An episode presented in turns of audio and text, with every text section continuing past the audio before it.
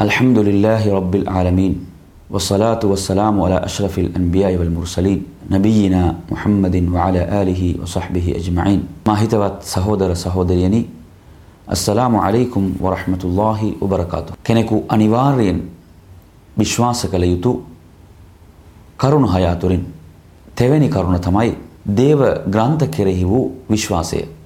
දේව ග්‍රන්ථ යනුවෙන් අදහස් කරන ලබන්නේ මේ මුළු මහත් විශ්වයේම මෙවුම් කරවානන් නිර්මාතෘරයාණන් සර්ව බල සම්පන්න අල්ලාහ විසින් මානවයාට යහපත් මාර්ගය පෙන්වීම සඳහා අනාවරණය වූ ග්‍රන්ථ තමයි දේව ග්‍රන්ථ වශයෙන් හඳුන්වනු ලබන්නේ.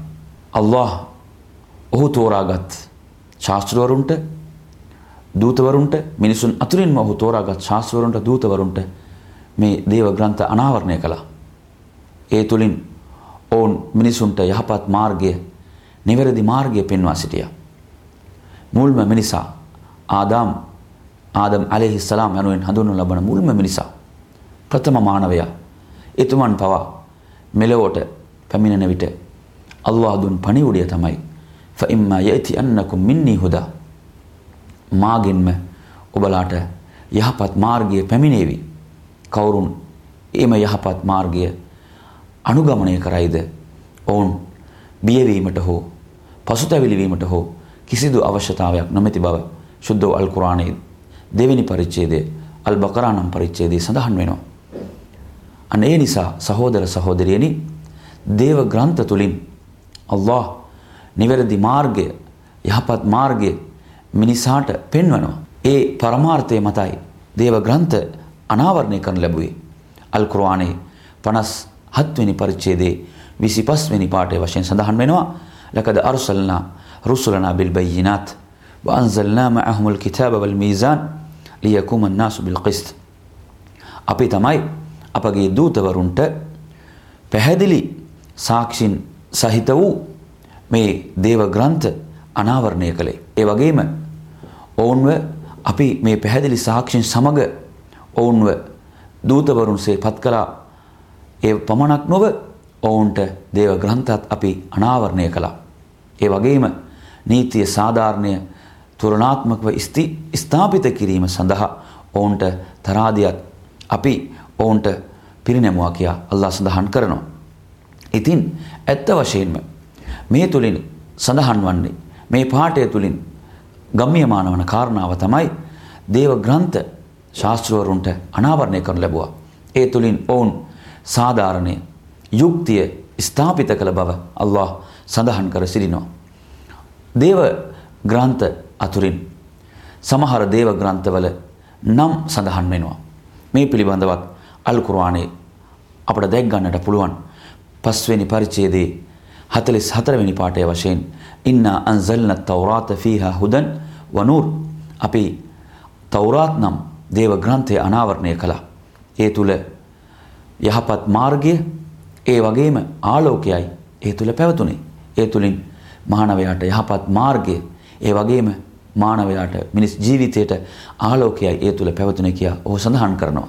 මේ තවරාත් නම් දේව ග්‍රන්ථය ඉතා ශ්‍රේෂ්ඨ වූ ශාස්ත්‍රවරයෙකු වන මූසා අලෙහිස්සලාම් තුමාණන්ට මේ ග්‍රන්ථය අනාවරණය වුණා. මේ ග්‍රන්ථය අල්ලාහ් පිරිනැමුවා. ඉන් පසුව එතුමන්ට පසුව පැමිණුණු ශාස්ත්‍රවරුන් පවා මේ ග්‍රන්ථය අනුව සමාජයට යහපත් මඟ පෙන්වා සිටියා.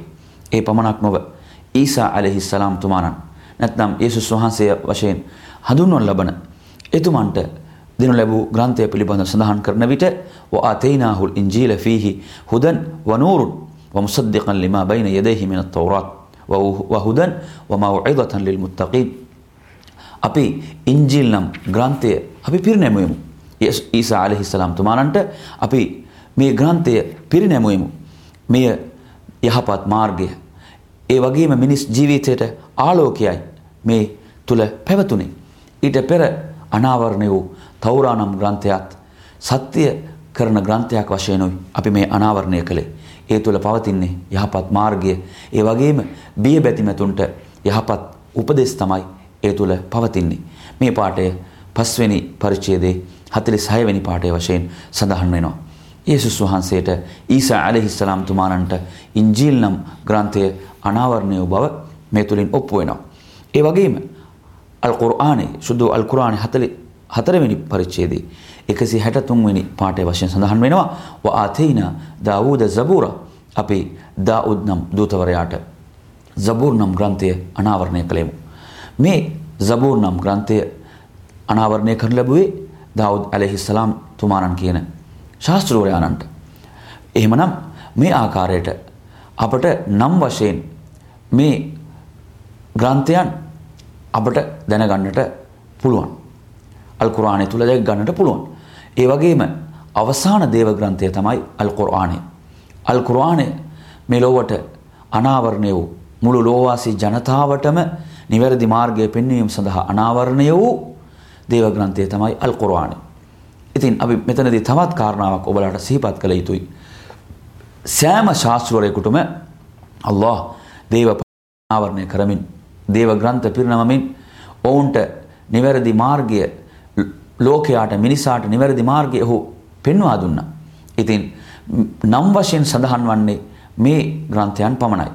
මෙයින් අදහස් කරන්නේ වෙනත් දූතවරුන්ට දේව ග්‍රන්ථ අනාවරණය නොවූ බව මෙයින් ගම්මියමාන වෙන්නේ නැහැ. ඒ අය ඒ දූතවරුන්ටත් දේව ග්‍රන්ථ අනාවරණය වුණා. දේව ග්‍රන්ථ පිරිනමන ලැබුවා කියන එක අපි මේ අවස්ථාවේදී මතක තබා ගත යුතුයි.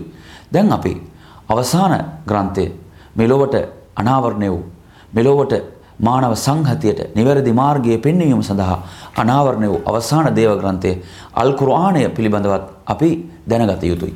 මේ හැමෝටම ඉතා අනිවාර්ය වූ කාරණාවක්. අල් කුර්ආනය පිළිබඳව අල් කුර්ආනය පවසන්නේ කුමක්ද? شهر رمضان الذي أنزل فيه القرآن هدى للناس وبينات من الهدى والفرقان رمضان නම් ඒ ශ්‍රේෂ්ඨ වූ මාසය තුලයි අපි අල් කුර්ආනය අනාවරණය කළේ. එය ලෝවාසී ජනතාවට මිනිසාට යහපත් මාර්ගය පෙන්වීම පිණිස සත්‍ය නිවැරදි මාර්ගය ඊට පැහැදිලිව පෙන්වීම පිණිසත් ඒ වගේම සත්‍ය හා අසත්‍ය වෙන්කර පෙන්වීමේ තුලාවක් වශයෙන් අල් කුර්ආනය අනාවරණය කළ බව හිමියාණන් සඳහන් කරනවා. ඉතින් අපි මේ අවස්ථාවේදී සිහිපත් කළ යුතු ඉතා වැදගත් කාරණාවක් තමයි අල් කුර්ආනය ලෝවාසී ජනතාවටම යහපත් මාර්ගය පෙන්වීම සඳහා අනාවරණ ග්‍රන්ථයක්. මේ මුස්ලිම් වරුන්ට පමණක් අයිති දෙයක් නොවේ. මේ මුස්ලිම් වරුන්ට පමණක් අයිති බූදලයක් නොවේ කියන කාරණාව මේ අවස්ථාවේදී අපි හොඳ හැටි අවබෝධ කරගත යුතුයි. ඒ පමණක් නොව අල් කුර්ආනය කෙසේ අනාවරණය වුණාද ඒ ආකාරයටම ඒ ආරක්ෂා වෙනවා. නමුත් ඊට පෙර වූ ග්‍රන්ථයන් ඒ ආකාරයට ආරක්ෂා වුණේ නැහැ. ඒ දූතවරුන්ගේ ඇවෑමෙන් පසු ඒ දූතවරුන් මෙලොවින් සමුගැනීමෙන් පසු ඉන්පසු පැමිණුණු සමාජයන් කළ ලොකු වරදක් තමයි ඒ ග්‍රන්ථයන් විකෘති කිරීම කරන්නට එහි වෙනස් කිරීමට පටන් ගත්තා. එහි අඩු වැඩි කිරීම කරන්නට පටන් ගත්තා. ඔවුන්ට අවශ්‍ය ආකාරයට ඔවුන්ට වාසිදායක වන ආකාරයට ඔවුන් එහි වෙනස්කම් කළා. ඒ නිසා එහි පරිශුද්ධත්වයට ලොකු කැලලක් හානියක් ඇති වුණා. නමුත් අල් කුර්ආනයේ එසේ නොවේ. අල් කුර්ආනයේ තුලින්ම අල්ලාහ් පොරොන්දු වෙනවා ඉන්නා නහු නස්සල්නා ධික්ර ව ඉන්නා ලහු ලහෆිදුන්. 15 වෙනි පරිච්ඡේදයේ 9 වෙනි පාඩේ වශයෙන් මේ සඳහන් වෙනවා අපිමයි මේ අල් කුර්ආනයේ අනාවරණය කළේ මේ ආරක්ෂා කරන්නෙත් අපිමයි කියා ඕ සඳහන් කරනවා. අපි අනාවරණය කළ මේ ග්‍රන්ථය අපිම ආරක්ෂා කරනවා. සතවර්ෂ 14ක් දැන් ගත වී හමාරයි.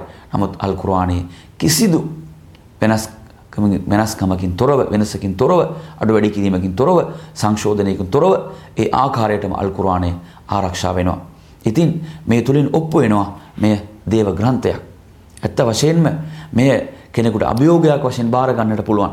මේ අභියෝගයේ කාටත් පිළිගන්නට බෑ හේතුව මේ ආරක්ෂා කිරීමේ වගකීම බාරගත්තේ ඒ හිමියාණන්. ඒ පමණක් නොව අල් කුර්ආනය අපට ආරාධනා කරනවා අල් කුර්ආනය අධ්‍යයනය කරන ලෙස. අල් කුර්ආනය අපට ආරාධනා කරනවා ඔබලා අල් කුර්ආනය අධ්‍යයනය කරන්න. අෆලා යතදබ්බරුන අල් කුර්ආන් මන්දවුන් අල් කුර්ආනය අධ්‍යයනය නොකරන්නේ. අම් අලා කුලූබින් අක්ෆාලුහා. ඔවුන්ගේ සිත්වලට අගුල දමා තිබෙනවාද කියා ඔහු ප්‍රශ්න කරනවා.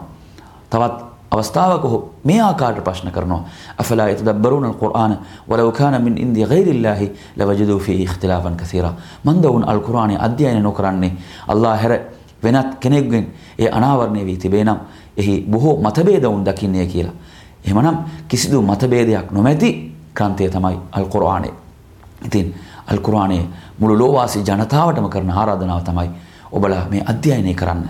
ඔබලාගේ හිමියාණන්ගෙන් පැමිණුණු පණිවුඩය තමයි මේ අල් කුර්ආනය. ඒ පමණක් නොව අල් කුර්ආනය ඉදිරිපත් කරන තවත් අභියෝගයක් තමයි කුමක්ද? ඔබලාට හැකිනම් ඔබලා මේ දේව ග්‍රන්ථයක්ද කියා ඔබලා සැක කරනවා නම් ඔබලා මෙහි පවතින එක් පරිච්ඡේදයක් හා සමාන පරිච්ඡේදයක් ගේන්න කියා. අල් කුර්ආනයේ පරිච්ඡේදයන් ඊටා කුඩා පරිච්ඡේදයන් පව පවතිනවා. වාක්‍යයන් තුනකින් සමන්විත පරිච්ඡේදයන් පවතිනවා. කෙනෙකු මේ හා සමාන පරිච්ඡේදයක් ගෙනාව නම් මේ අභියෝගය බාර ගන්න පුළුවන්. මේ අභියෝගය බාරගෙන ජය ගන්නට පුළුවන්. නමුත් මේ වෙනතෙක් ලෝකේ කිසිවෙකු ඉදිරිපත් වුණේ නැහැ. ඉදිරිපත් වෙන්නටත් බෑ. හේතුව මේ අනාවරණය වුණේ සියල්ල පිළිබඳව ඥානයේ සතු හිමියානොන අල්ලා විසින් අනාවරණය වූ ග්‍රන්ථය නිසා. ඒ පමණක් නොව අල් කුර්ආනය අවසාන දූතවරයා මුහම්මද් නබිතුමාණන්ටයි අනාවරණය වුණේ. එතුමන් ඒ ග්‍රන්ථයේ නිර්මාතෘරයා නොවේ. ඒ ග්‍රන්ථයේ නිර්මාතෘරයා එතුමන් නොවේ. එතුමන් කවුද? ලියන්නට හෝ කියවන්නට හෝ බැරි කෙනෙකු තමයි මුහම්මද් නබිතුමාණන්. ඒ සමාජය තුළ ඊට විශ්වාසනීය සත්‍යවන්ත පුද්ගලික වශයෙන් එතුමන් ජීවත් වුණේ. එතුමන්ට ලියන්නට හෝ කියවන්නට හෝ බෑ. අරාබි භාෂාව තුළ අරාබි මාධ්‍ය තුළ ඉතා ශ්‍රේෂ්ඨ ගණයේ ග්‍රන්ථයක්. ඉතා ශ්‍රේෂ්ඨ ගණයේ ග්‍රන්ථයක් තමයි අල් කුර්ආනය. ඇත්ත වශයෙන්ම මෙවැනි ග්‍රන්ථයක් ලෝකෙට ලියන්නට කියවන්නට බැරි කෙනෙකුට කොහෙත්ම ඉදිරිපත් කරන්න බෑ. අල්ලා ඒ තුලිනුත් ඔප්පු කරන්නේ මෙය දේව ග්‍රන්ථයක්. ඉතින් අන්න නිසා අන්න ඒ නිසා ලෝවාසී ජනතාවට තිබෙන ඉතා ඔවුන්ගේ ඉතාමත් ලොකු මහත් මහඟු වගකීමක් තමයි අල් කුර්ආනය අධ්‍යයනය කිරීම. අප සියල්ල මවපු නිර්මාතෘරයා මේ අල් කුර්ආනය තුලින් අපට කියන්නේ මොකද්ද? අපට ලබා දෙන පණිවුඩය කුමක්ද? අපේ ජීවිතයට ඒ තුලින් ලැබෙන ආලෝකය කුමක්ද කියන එක හැම සෑම මිනිස්සෙකුටම මේ අල් කුර්ආනය අධ්‍යයනය කිරීමේ ඒ අනිවාර්යභාවය පවතිනවා. අන්න ඒ නිසා සහෝදර සහෝදරියනි කෙනෙකු විශ්වාස කළ යුතු කරුණු හය අතුරින් තෙවෙනි කාරණාව තමයි දේව ග්‍රන්ථ කෙරෙහි වූ විශ්වාසය. ඉතින් මේ විශ්වාසය අපි නිසියාකාරට අප තුළ ගොඩනගා ගත යුතුයි. අල් කුර්ආනය අපි අධ්‍යයනය කරමු කියා පවසමින් මා අවසන් කරනවා අස්සලාමු අලයිකුම් වරහමතුල්ලාහි වබරකාතුහු වආඛිර් දඅවානා අනිල් හම්දුලිල්ලාහි රබ්බිල් ආලමීන්